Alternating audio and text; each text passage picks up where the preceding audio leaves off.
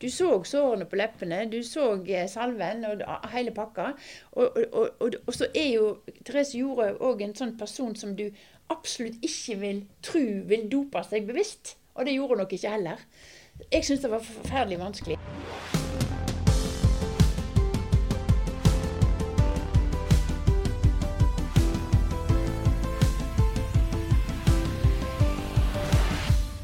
Husker du OL i Sydney i 2000?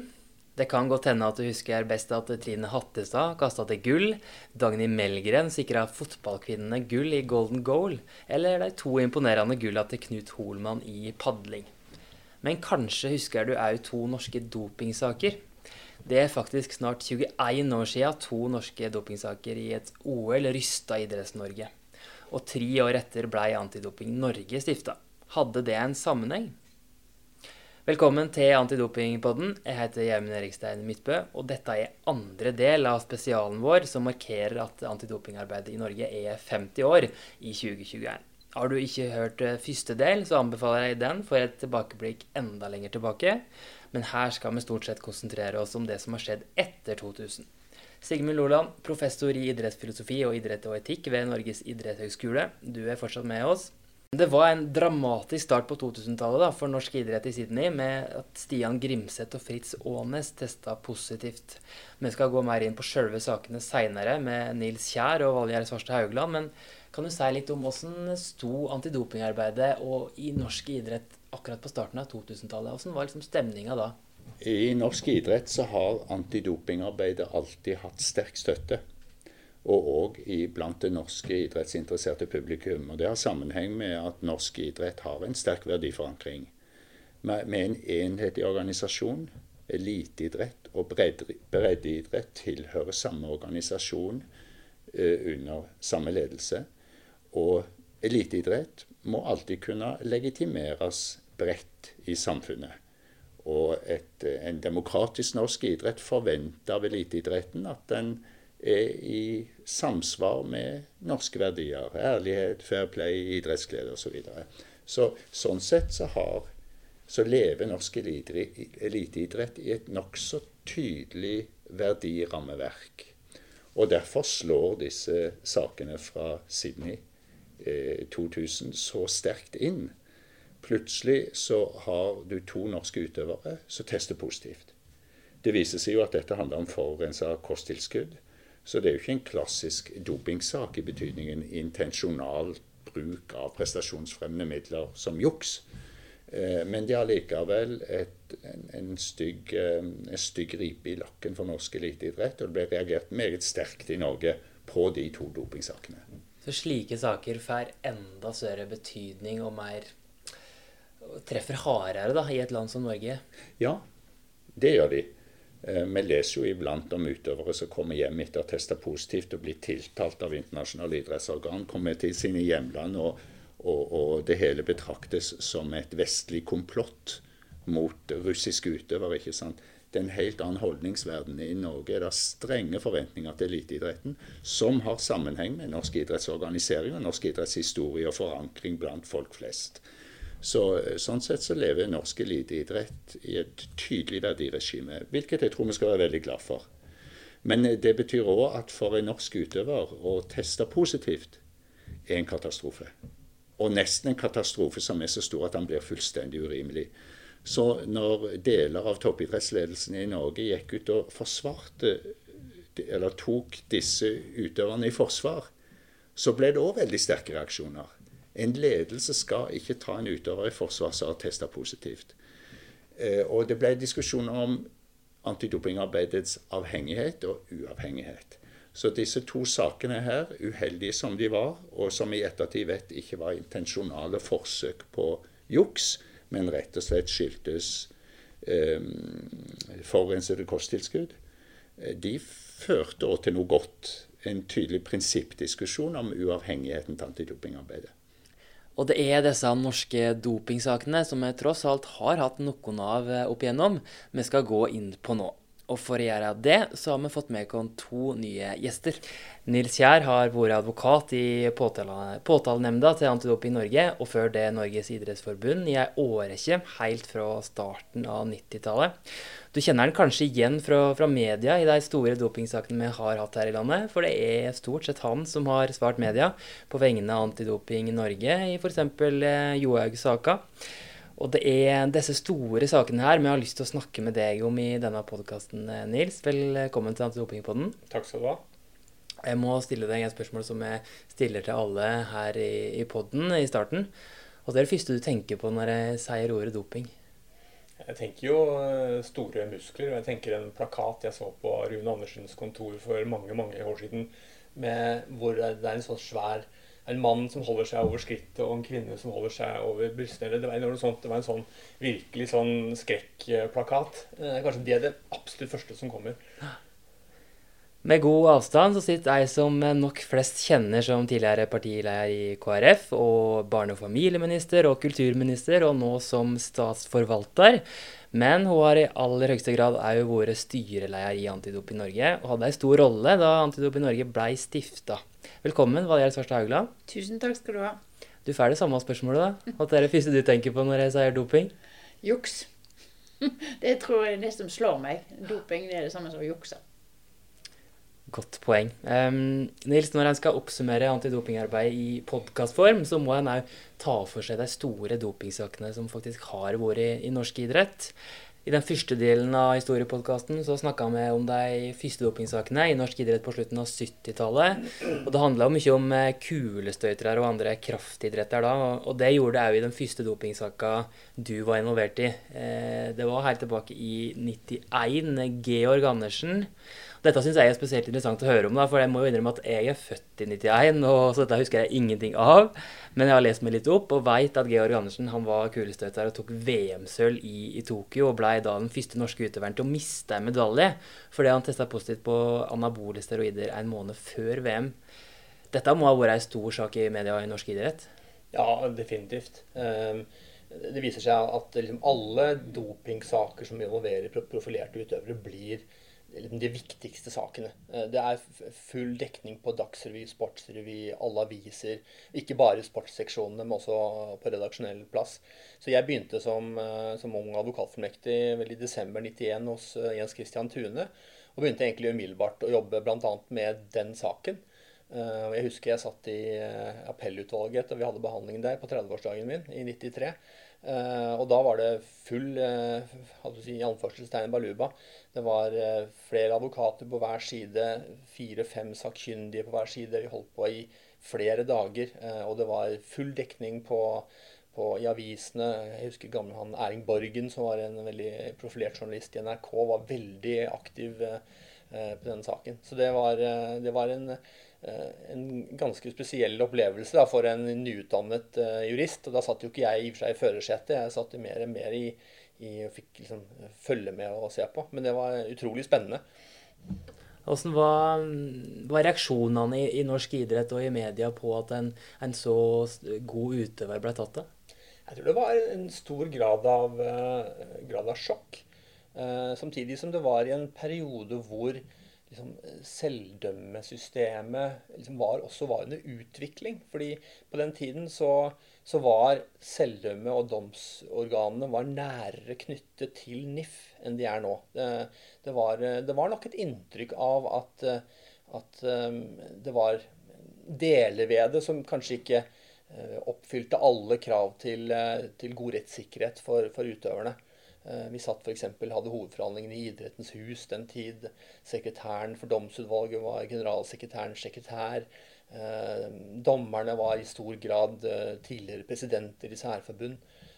Så der har det skjedd på de 25 årene skjedd store ting hva gjelder å gjøre domsorganene mer uavhengige og mer kompetente. Ja, jeg sa jo at han, han mista medaljen, men hvordan endte den saka til, til Andersen egentlig?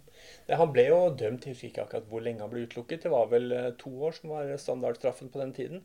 Så han mistet vel da eh, premiene som han hadde oppgitt. Eh, han hadde, var jo en, en, en, sak som var juridisk sett også spennende. Fordi det var, var fire-fem forskjellige grunnlag som ble anført for frifinnelse. Og det var teorier om, som involverte kjemi og biofysikk og, og, det ene med det andre. Så det var en, en spennende sak å, å følge med på.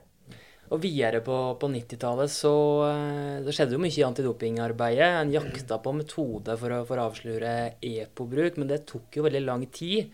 Så det var vel stort sett anabole stoffer sakene i Norge gikk på, og jeg tenker kanskje på en spesiell utøver da.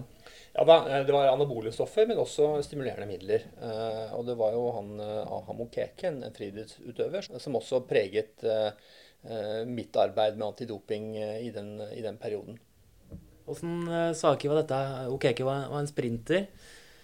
Ja, han ble tatt uh, flere ganger. Første gangen tror jeg for noe som heter pseudoefedrin, et, et stimulerende middel. Og så ble han vel tatt for anabole uh, steroider. Og så ble han på den tredje saken, da ble han faktisk frifunnet fordi det gjaldt en sak om, om utførsel, hvor han ble Han forsøkte å sende en pakke med noen dopingmidler til en kamerat som var på en treningsleir hvor han også skulle.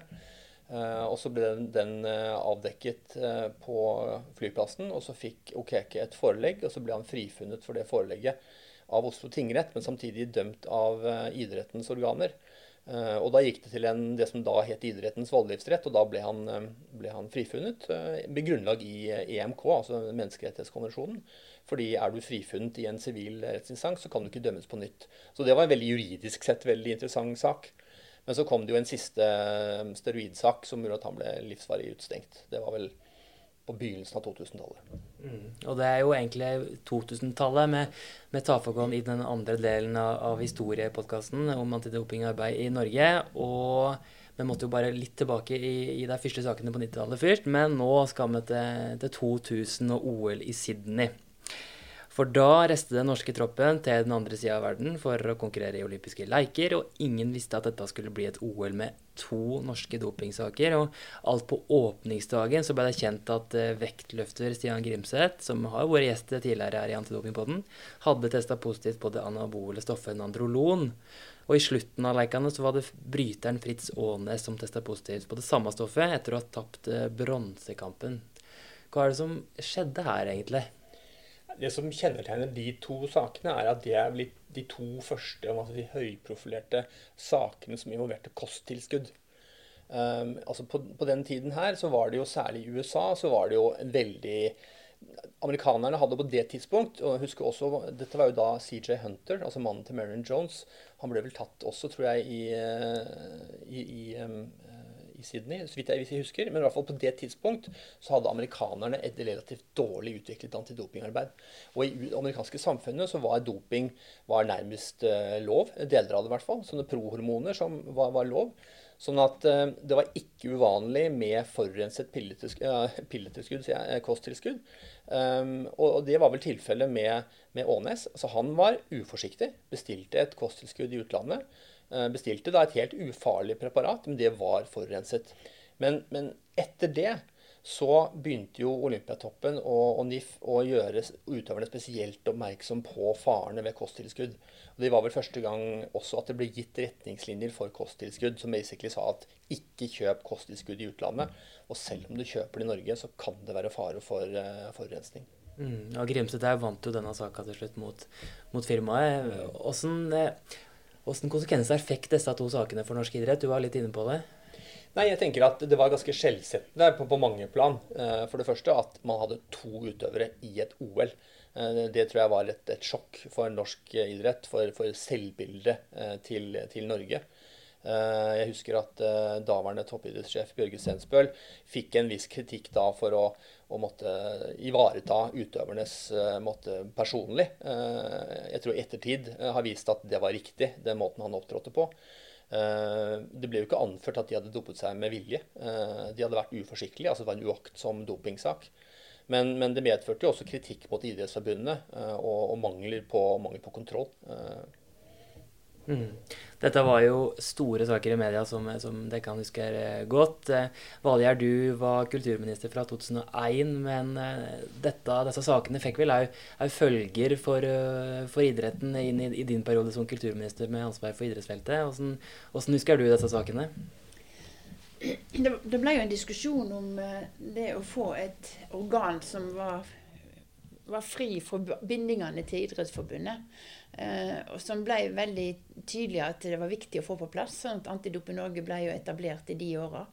Eh, og det er klart at disse sakene som, som vi har hørt om nå, de, de, det danner seg et mønster at vi ser at det å ha noe, noe som står fritt, og ikke bundet opp til, til eh, idretten sine organisasjoner, er viktig når du skal behandle sånne saker. Eh, jeg tror at idrettslederne var opptatt av å ta vare på de utøverne som ble tatt, og som det ble sagt uforskyldt. altså som noen av disse som vi hører om nå. Så, så blir det, men da samtidig så skal du òg være noen som er veldig strenge på å følge regelverket. Eh, samtidig som du tar vare på utøverne, og samtidig som du skal gi dem rettssikkerhet i det hele. Eh, så det, det ble jo en diskusjon da om å, å starte Antidop i Norge. og og ble etablert i disse tider.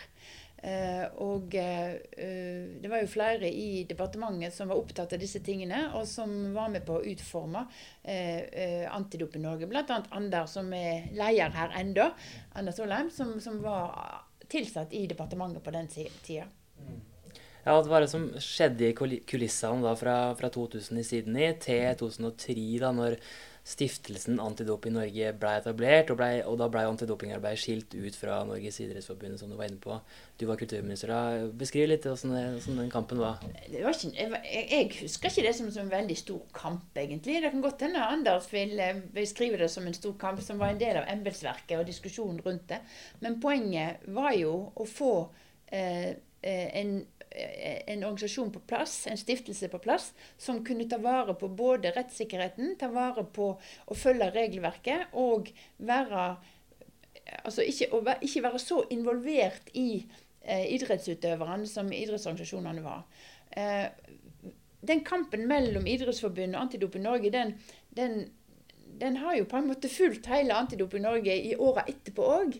Hva skal ligge til Idrettsforbundet, og hva skal ligge til Antidoping Norge? Eh, og du kan si Vi starta den prosessen med å danne Antidop i Norge. Og så har jo diskusjonene gått, og de går jo til og med fram til i dag. Eh, eh, men jeg synes at både det, det internasjonale regelverket og eh, intensjonen med å ha et uh, selvstendig organ som skal ta seg av disse sakene, har vært med på å styrke Antidop i Norge hele tida. Og òg har vært med på å, å sette klare skiller om hvor ansvaret er. Mm. Og vi vet jo at eh, Sverige så har jo ikke dette blitt skilt før, før, i år, i, i 2021. Så vi var vel òg litt tidlig ute, sånn, hvis du ser antidopingarbeidet internasjonalt? Norge var tidlig ute, det er det ikke tvil om. Og vi har jo hatt diskusjoner, eller vi hadde jo diskusjoner med Sverige òg når jeg var, var, styreleder i Antidoping Norge. Og, og, og, de har jo òg sett på Norge og Norges måte å organisere dette på. Eh, svenskene er kanskje litt treigere enn nordmenn. Jeg vet ikke, men iallfall så har jo vel de òg nå fått på plass en organisasjon som er, er frigjort fra idretten. Tilbake til, til deg, Sigmund Loland, som fortsatt er med i studio. Men Hvordan har egentlig stemninga blant eh, vanlige nordmenn og i, i norsk idrett vært rundt eh, antidopingarbeid og holdningene til, til det å dope seg og jukse i idretten? Jo, det vet vi faktisk en del om. Vi har gjort uh, undersøkelser regelmessig på holdninger til prestasjonsfremmende stoffer. Og til doping, de forbudte stoffene. Og uh, nordmenn generelt har veldig restriktiv holdning. Hvis du spør et representativt utvalg av den voksne norske befolkningen, så er det et stort flertall som svarer at, de er, at det er uakseptabelt med doping i idrett. Og eh, kun marginale tall åpner opp for muligheten for doping som akseptabelt. Og eh, menn, er menn, er generelt noe mer liberale enn kvinner. Yngre er generelt noe mer liberale enn eldre. Men på de forbudte midlene er svarene veldig entydige. De er uakseptable. der eh, folk skiller synspunkt litt, der holdningene skiller seg litt. Det handler mer om det vi gjerne kaller for gråsonemetoder. Altså det ligner på doping. Det er en teknologi eller et produkt du får i deg, eller en teknologi du bruker, som gir prestasjonsfremming uten trening. Eh, kosttilskudd, høydehus er jo et klassisk eksempel. Og der deler befolkningen seg. Og som sagt, der vil yngre være mer liberale enn eldre. Og kvinner mer restriktive enn menn. Mm. Det som òg er gjennomgående i de sammenhengene, det er at eh, de som oppgir at de er idrettsaktive, og idrettsutøvere, er enda mer restriktive enn befolkningen generelt. Mm. Og det tyder jo på at antidopingarbeid, holdningsarbeid i antidoping har definitivt en effekt. Og så er det jo også sånn at spesielt utøvere i grupper som blir testa for doping, har jo mer å risikere hvis de blir tatt for doping. Mm. Men veldig restriktiv holdning kjennetegner norsk befolkning. Men også, hva vet vi om, eh, om, det skiller seg veldig fra, fra de landene vi sammenligner oss med da, rundt om i Europa og resten av verden? Ja, eh, det skiller seg til dels. Eh, nå har vi ikke direkte komparative data. Dvs. Si, vi har ikke stilt nøyaktig de samme spørsmålene internasjonalt som vi har stilt i Norge. Men det finnes surveys og undersøkelser fra andre land som viser at det kan variere noe mer. Og vi vet jo fra medieoppslag hvordan utøvere som vender hjem etter å ha blitt tatt for doping, f.eks. til Russland, blir betrakta som uh, uskyldig offer for et vestlig komplott, f.eks. En utøver som vender hjem etter et stort mesterskap til Norge, en norsk utøver, etter å ha blitt tatt til doping, har et stort problem. Nesten urimelig tøft problem. Den utøveren blir fordømt og det kommer jo flere dopingsaker i, i norsk idrett utover 2000-tallet som vi skal gå inn på. Vi skal tilbake til Nils Kjær og Valgjerd Svarstad Haugland, og først til en annen viktig milepæl i antidopingarbeidet. I dag i, i 2021 så, så, føles det nok for utøverne at det er ei selvfølge at de må registrere hvor de er til enhver tid, og melde fra en time hver dag der dopingkontrollene skal kunne treffe deg. Men slik var det jo ikke på starten av 2000-tallet. Da kom meldeplikta etter hvert, og, og, det var jo ikke alle som likte eller klarte å overholde. Vi fikk eh, saka rundt Vegard Høydalen i 2008. Mm, den skapte storm. Fortell om den, eh, Nils. Altså Antidoping, eller WADA-koden, ble jo innført første gang eh, altså ved, ved, åpningen av Aten-OL i 2004. Uh, og WADA-koden bygget da på det vi nå syns er selvsagt, at en dopingkontroll må være uanmeldt. Uh, og dersom en dopingkontroll skal være uanmeldt, så må man vite hvor utøver er. Derfor så innførte man da et krav om at uh, de beste utøverne, altså eliteutøverne som, som konkurrerer på internasjonalt nivå, de måtte melde fra hvor de var. Eh, og dette var et regelverk som da var ganske tidlig. Det var kanskje litt uraffinert, men, men det var nå en gang der. Um, og, og, det var kanskje første gang utøverne virkelig fikk merke betydningen av de nye reglene. fordi de ble oppfattet som ganske inngripende, og det er klart, det er inngripende. Men, men nå tenker vi at det er en nødvendig onde for å legge til rette for gode dopingkontroller. Um, og, og, det var et regelverk som var, var krevende for de nasjonale antidopingorganisasjonene å implementere det. Antidoping Norge var flinkest, kanskje flinkest i klassen, på å definere utøvere, hvilke utøvere som skulle inn. De definerte ganske mange utøvere inn.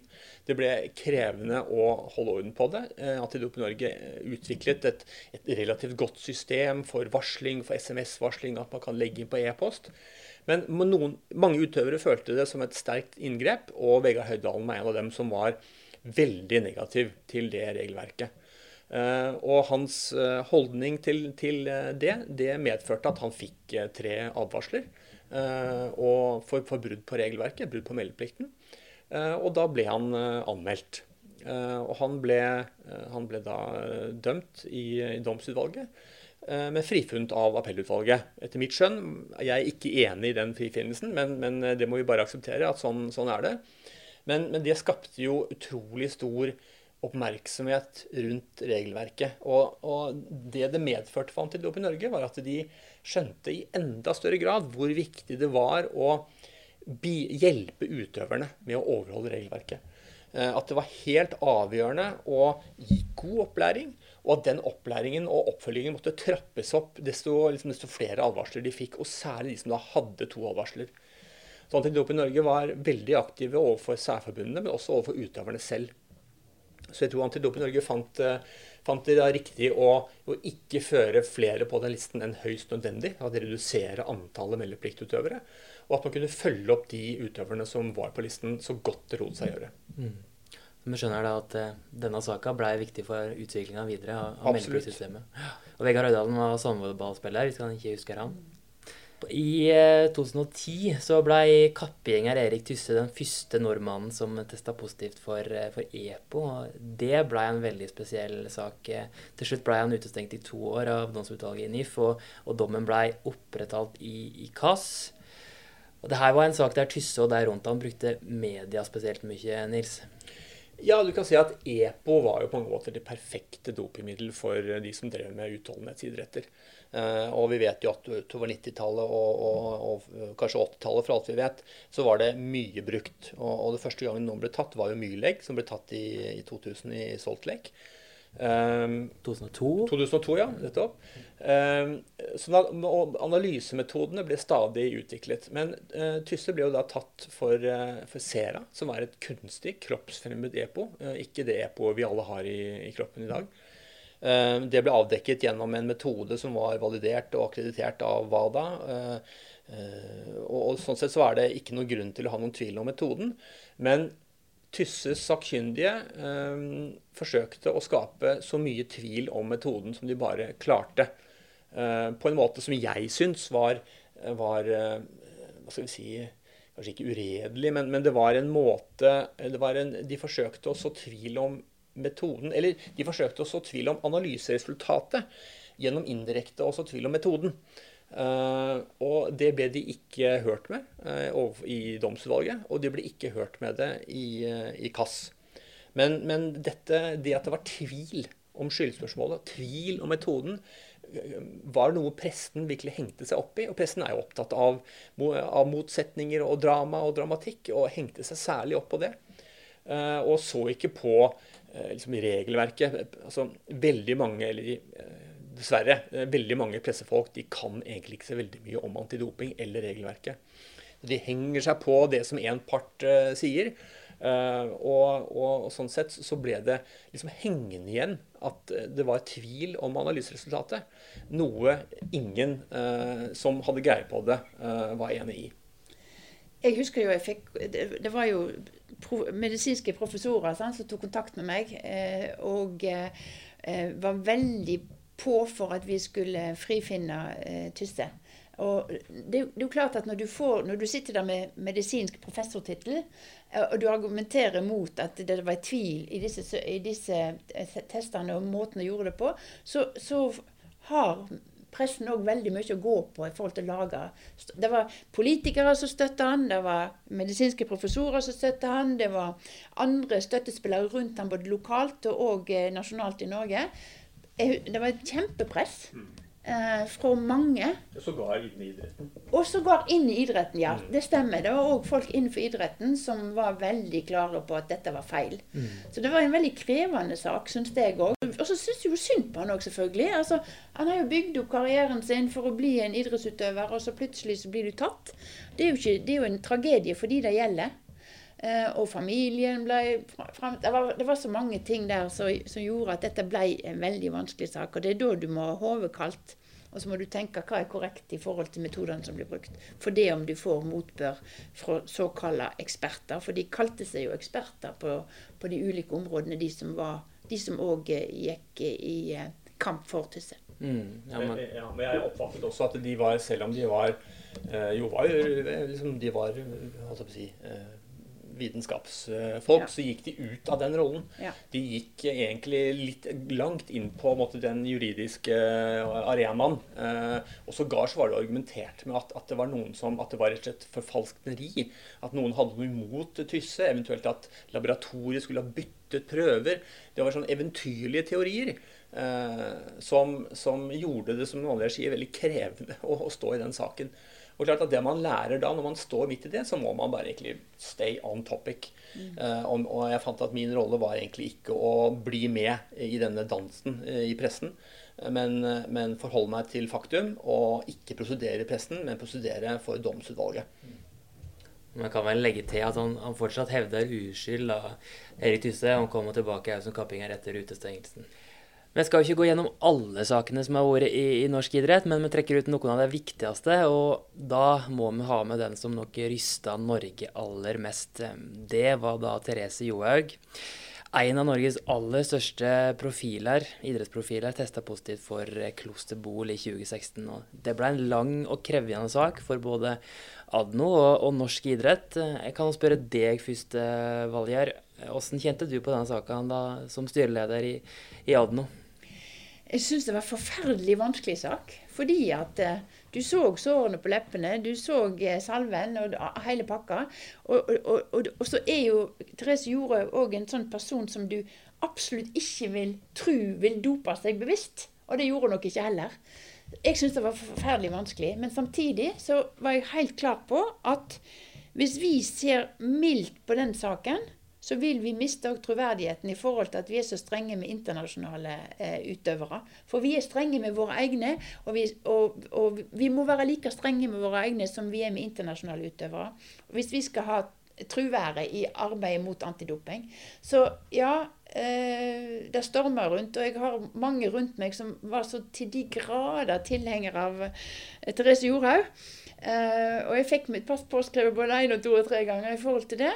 Men vi hadde en jobb å gjøre, og så er det utrolig kjekt å se hvordan hun har tatt igjen etterpå. da. Altså hva, hva hun òg har hva hun har vokst gjennom det som har skjedd. Og nå er en tilbake igjen på toppnivå, eh, som hun har vært denne sesongen. Mm. Nils, åssen eh, var det å være part i en slik sak med en av Norges aller største profiler, og en, en sak som hele Norge hadde en mening om? Det var jo en, en, en helt ekstraordinær sak. Og, ja. og, det var jo en sak som liksom sprengte alle rammer for måtte, oppmerksomhet. Når verdens flinkeste, peneste, rikeste liksom Alt eh, slo inn på en gang. Så, så, pressen hadde jo maksimal oppmerksomhet. Men fra mitt ståsted så kan du si at eh, Johaug-saken var en skikkelig stresstest eh, av Antidoping Norge og systemet. Og jeg mener at Antidoping Norge klarte den veldig godt. Eh, det var jo en, en, en lykke at Antidoping Norge kanskje bare en måned før saken kom, hadde ansatt to politietterforskere. En med Kripos-bakgrunn en fra vanlig politibakgrunn. Sånn at den saken ble jo forberedt og etterforsket på, på, et enda bedre nivå enn det man har gjort tidligere. Så liksom, jeg tror ingen, jeg tror at Johaugs forsvarer, som for øvrig var en flink og ryddig fyr for meg å forholde meg til, han så ingen forskjell i den saksbevegelsen som han fikk i Ivar-saken, som han har fått i en hvilken straffesak som politiet hadde stått bak. Det var så grundig og så ordentlig. Alt var dokumentert. Eh, så liksom, faktum var ikke en issue. Alle var enige om faktum, hva som hadde skjedd. Enkelte pressefolk hadde introdusert en del konspirasjonsteorier, og de levde jo godt i samfunnet også. Men, men jeg tror at ingen er i tvil om at hun hadde en leppe. Vi, som Valgjerd sa, vi så sårene. Og hun, eh, hun, gjorde en feil. Legen gjorde en feil. Eh, og det utgjorde eh, uaktsomhet, og det ble hun dømt for. Men, men, sånn at selve saken var i og for seg juridisk sett ikke så vanskelig, men alt rundt var jo helt utrolig. Altså, det var jo et, jeg, har jeg stilte intervju med sveitsisk TV, med, med svensk, finsk, internasjonale nyhetsbyråer, alle norske aviser. Det var et sirkus uten like. Eh, de hadde jo et eget presserom. Jeg tror det var 70 akkrediterte pressefolk som satt i et eget presserom. Sånn at eh, det var en sak som jeg neppe tror jeg kommer til å oppleve igjen. Jeg håper ikke det, eh, for, både for utøver og for, systemets skyld. Men, men, bottom line er at saken ble fra Antidoping Norges side gjennomført på en utrolig proff måte. Domsutvalget gjorde en, en, god jobb. NIF gjorde en god jobb med å organisere det. Så jeg tror at systemet fremsto som, som, godt. Eh, Hun fikk jo dekket forsvarer. Eh, sånn at jeg tror eh, ja, nå jo, Du vet jo hvem jeg er og hvilken rolle jeg hadde, men jeg tror at sett utenfra så tror jeg at den saken fremstår som veldig godt håndtert fra et antidopingståsted. Så kan man ha meninger om regelverket er riktig. Var det riktig at hun skulle få 18 måneder for en sånn fortredelse? Um, men hun fikk saken sin prøvet i to instanser. Um, hun fikk uh, all verdens uh, hjelp. Sånn at jeg tror at systemet fremsto som godt. Hvis vi først holder på, så kan vi si at det som man kan stille spørsmålstegn ved, det er håndteringen i FIS på det tidspunkt. At FIS hadde en antidopingkonvensjon som man ikke visste hvem var. Man visste ikke hvem hadde fattet vedtak om å anmelde. Man visste ikke hvem hadde fattet vedtak om å anke. Um, man vet ikke om den finske medlemmet i, i FIS satt i og besluttet dette. Uh, finnene har jo et spesielt nag mot Norge etter Lakti-skandalen i 2001. Sånn at, men, men den, det aspektet det kan man si er negativt for internasjonal idrett, og, og der er det mye å, å, snakke om. Vi skal ikke nevne Qatar og alt sånne ting. Men behandlingen av den dopingsaken mener jeg skjedde på en, på en god måte. Mm. Og det er vel da en av sakene som, som, har, eh, som har, gjort, eh, som har ut, vært med å utvikle antidopingarbeidet, og som en har lært mye av i ettertid. Absolutt. Sånn at hele, hele liksom etterforsknings- og undersøkelsesfasen er preget av måten man gjorde det da. Eh, at man, at, og, det at påtalenemnda i Antidop Norge er ikke bare uavhengig på papiret, det er reelt sett uavhengig. Vi snakket så vidt sammen om, om Valgjerds rolle i dopingsaker. Men hun hadde ikke noen rolle i dopingsaker. For styret engasjerte seg aldri i påtalenemndas arbeid. Eh, og det er liksom sånn systemet er skrudd sammen. Eh, men vi diskuterte jo sakene likevel. Sant? Vi var jo nødt til det, for vi var jo like engasjert i dette her. Eh, og vi fikk òg eh, selvfølgelig spørsmålet for pressa i forhold til men, men, det som du sier, vi la oss ikke opp i det arbeidet som dere gjorde. Mm. Det gjorde vi ikke. Og jeg òg er veldig imponert over den jobben som ble gjort her på kontoret i forhold til etterforskning. Det var, det, ingen kan ta dem på noe som helst, for det, det var så proft gjort. Og, det, det, og denne Antidoping Norge er en veldig profesjonell organisasjon som uh, har utvikla seg til det over tid. Så en kan være stolt av den jobben som, eh, som eh, Anders og hans folk har gjort. Og de medarbeiderne som, som, er med på å bygge opp antidoping. Det er veldig, veldig bra. Mm. Og Da kan man presisere at Nils, du er jo ikke ansatt i Antidoping Norge. Nei, det har jeg aldri vært. Så, så det har altså vært eh, at jeg har vært ekstern. Mm. Det var, det var, den store saken i 2016. Eh, vi har heldigvis ikke hatt så store saker etter det. Det får vi håpe at vi ikke blir heller. Men tilbake til deg, eh, Valgjerd. Da du kom inn i dette, hvilket engasjement hadde du for å bekjempe doping? Og hvor kom det engasjementet ditt fra? Mitt arrangement har vel bygd seg opp over tid. altså når jeg var eh, kultur- og kirkeminister, så ble jeg involvert i det når vi, når vi starta opp med Antidop i Norge. Og så ble jeg utfordra av, eh, av, både Anders og Tune, der de spurte om jeg kunne tenke meg å gå inn i styret. Eh, og det sa jeg ja til fordi at jeg syns dette er en interessant problemstilling. Og ikke minst, ja, selvfølgelig er vi opptatt av våre Eh, beste utøvere. Men vi så jo òg at dopingproblematikken den var ikke bare en problematikk for beste idrettsutøvere. Vi så òg at ungdomskulturen ble utvikla med bruk av dop. Altså du skal være enten tynnest og vakrest eller sterkest og, og mest muskuløs, om du er gutt eller jente. Og den utviklingen òg på, på, på, det området har jo engasjert meg veldig. Mm. Ja, for du, du, var, som du nevner, da, spesielt interessert i og spesielt forkjemper for folkehelsearbeid i Adno. Og det er jo egentlig ganske unikt i antidopingværa òg, at eh, antidopingorganisasjonen jobber med folkehelse og ikke bare toppidrett og idrett. Eh, hvorfor var det så viktig for deg, da? det ble jo viktig, men det var jo òg for, fordi at jeg ble oppmerksom på problemstillinger. Altså det, det, er en kjent problemstilling. Og, og de som jobber her, i i Norge var opptatt av det, å kunne gå ut videre enn eh, kampen mot doping i den profesjonelle idretten. Eh, og så tenker jo jeg at hvis du begynner med både og de unge, så vil du lære de opp til å ikke bruke doping når, de blir profesjonelle idrettsutøvere. Altså det, er noe med eh, Ting kommer ikke av seg sjøl. Og så kom, foreldre kom og var fortvila. De visste ikke helt hva båndene deres drev på med. Altså, vi har heldigvis nå fått et forbud mot bruk av dopingmidler. Det, det, det gikk jo mange år før en fikk det til. Du har ikke lov å selge, du har ikke lov å kjøpe, men du hadde jo lov til å bruke. Liksom. Det var jo et regelverk som ikke hørte hjemme i, i noe som helst plass, syns jo jeg, da. Og den kampen òg si, mot politikerne for å få de til å vedta det, den, eh, den begynte vi nett så vidt når jeg var kulturminister, og jeg fikk ikke gehør i å være med på å forby eh, bruk av, av, dopingmidler. Fordi at bla, eh, Hva er doping, hva er medisin? Altså Her er det mange gråsoner, som dere sikkert skjønner. Men heldigvis så er det òg blitt vedtatt nå på Stortinget for noen år tilbake. Og det er òg en seier for folkehelsa. Når du har jobba så lenge med, med, doping og antidoping, Valgjerd, så, så vil jeg tro at du har fått en del spørsmål fra, fra folk rundt deg. Eh, og mange er jo kanskje i tvil på funker egentlig antidopingarbeidet. Klarer en å gjøre noe med doping i idretten? Når man har sett disse store skandalene i Tour de France og internasjonalt gang på gang. Eh, og, er, og, kanskje har sagt til deg at nei, det er aldri mulig å få til en rettferdig idrett. Eh, hva har du svart til dem da?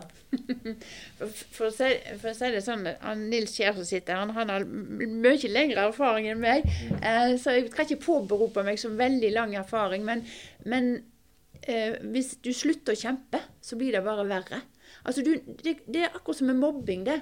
Altså, vi, vi har null toleranse for mobbing. Du vet det foregår, men vi skal kjempe imot det. Det samme med dop. Vi har null toleranse for det. Du vet at det skjer.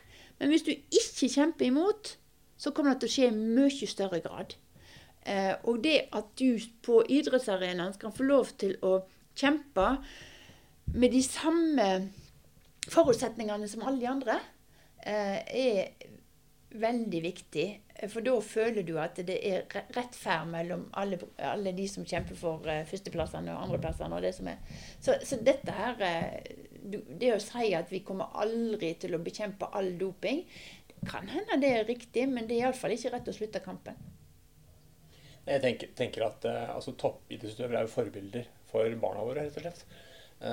Så det er jo de som sier at ja, kan ikke bare la det være lov da, å dope seg.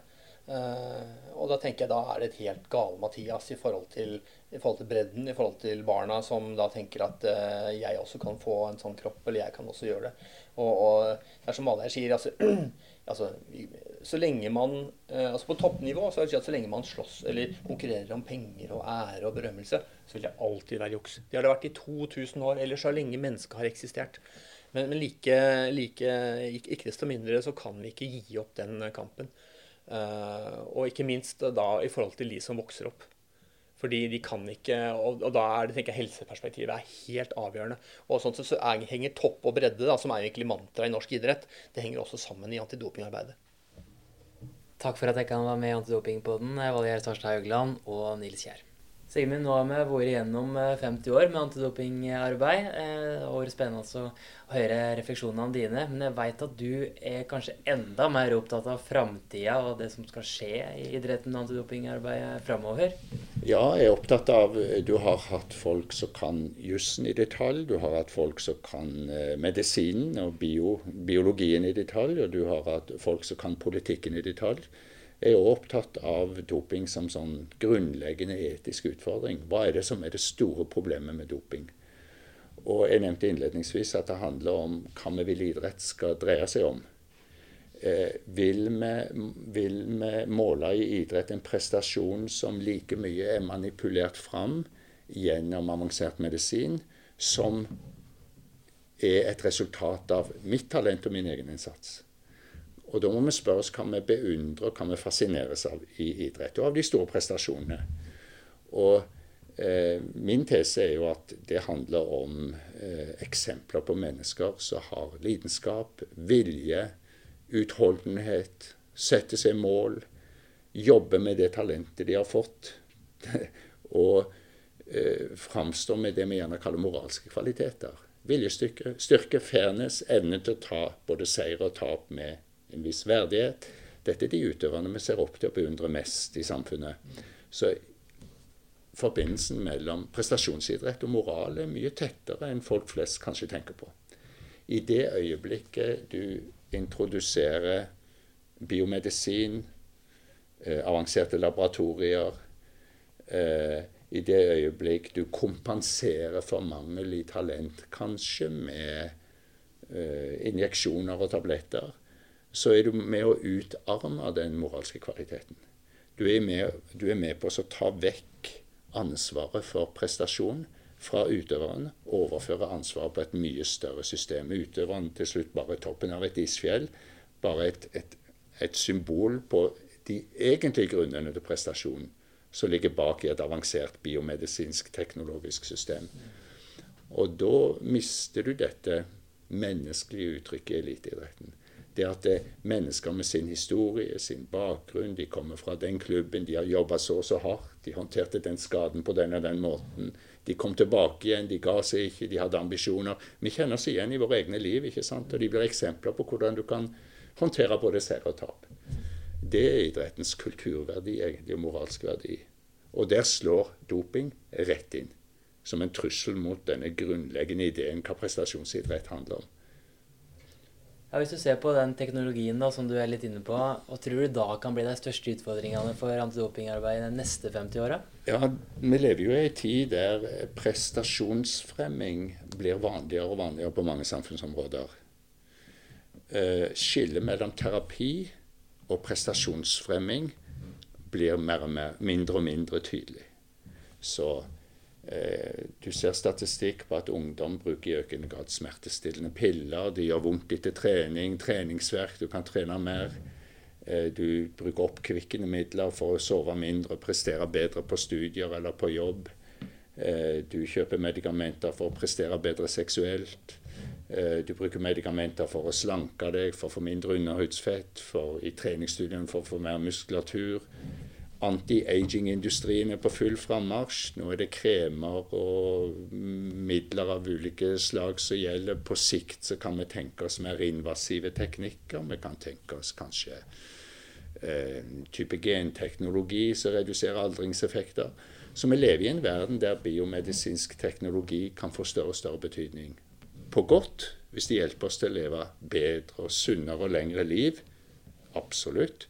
Men også på vondt der eh, du er villig til å ofre mer og mer for å manipulere på din egen biologi og framstå som sosialt attraktiv og suksessfull.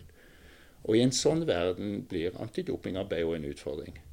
Altså vil eliteidrett og antidoping forsøke å bli ei slags rein øy i et forurensa hav, ikke sant?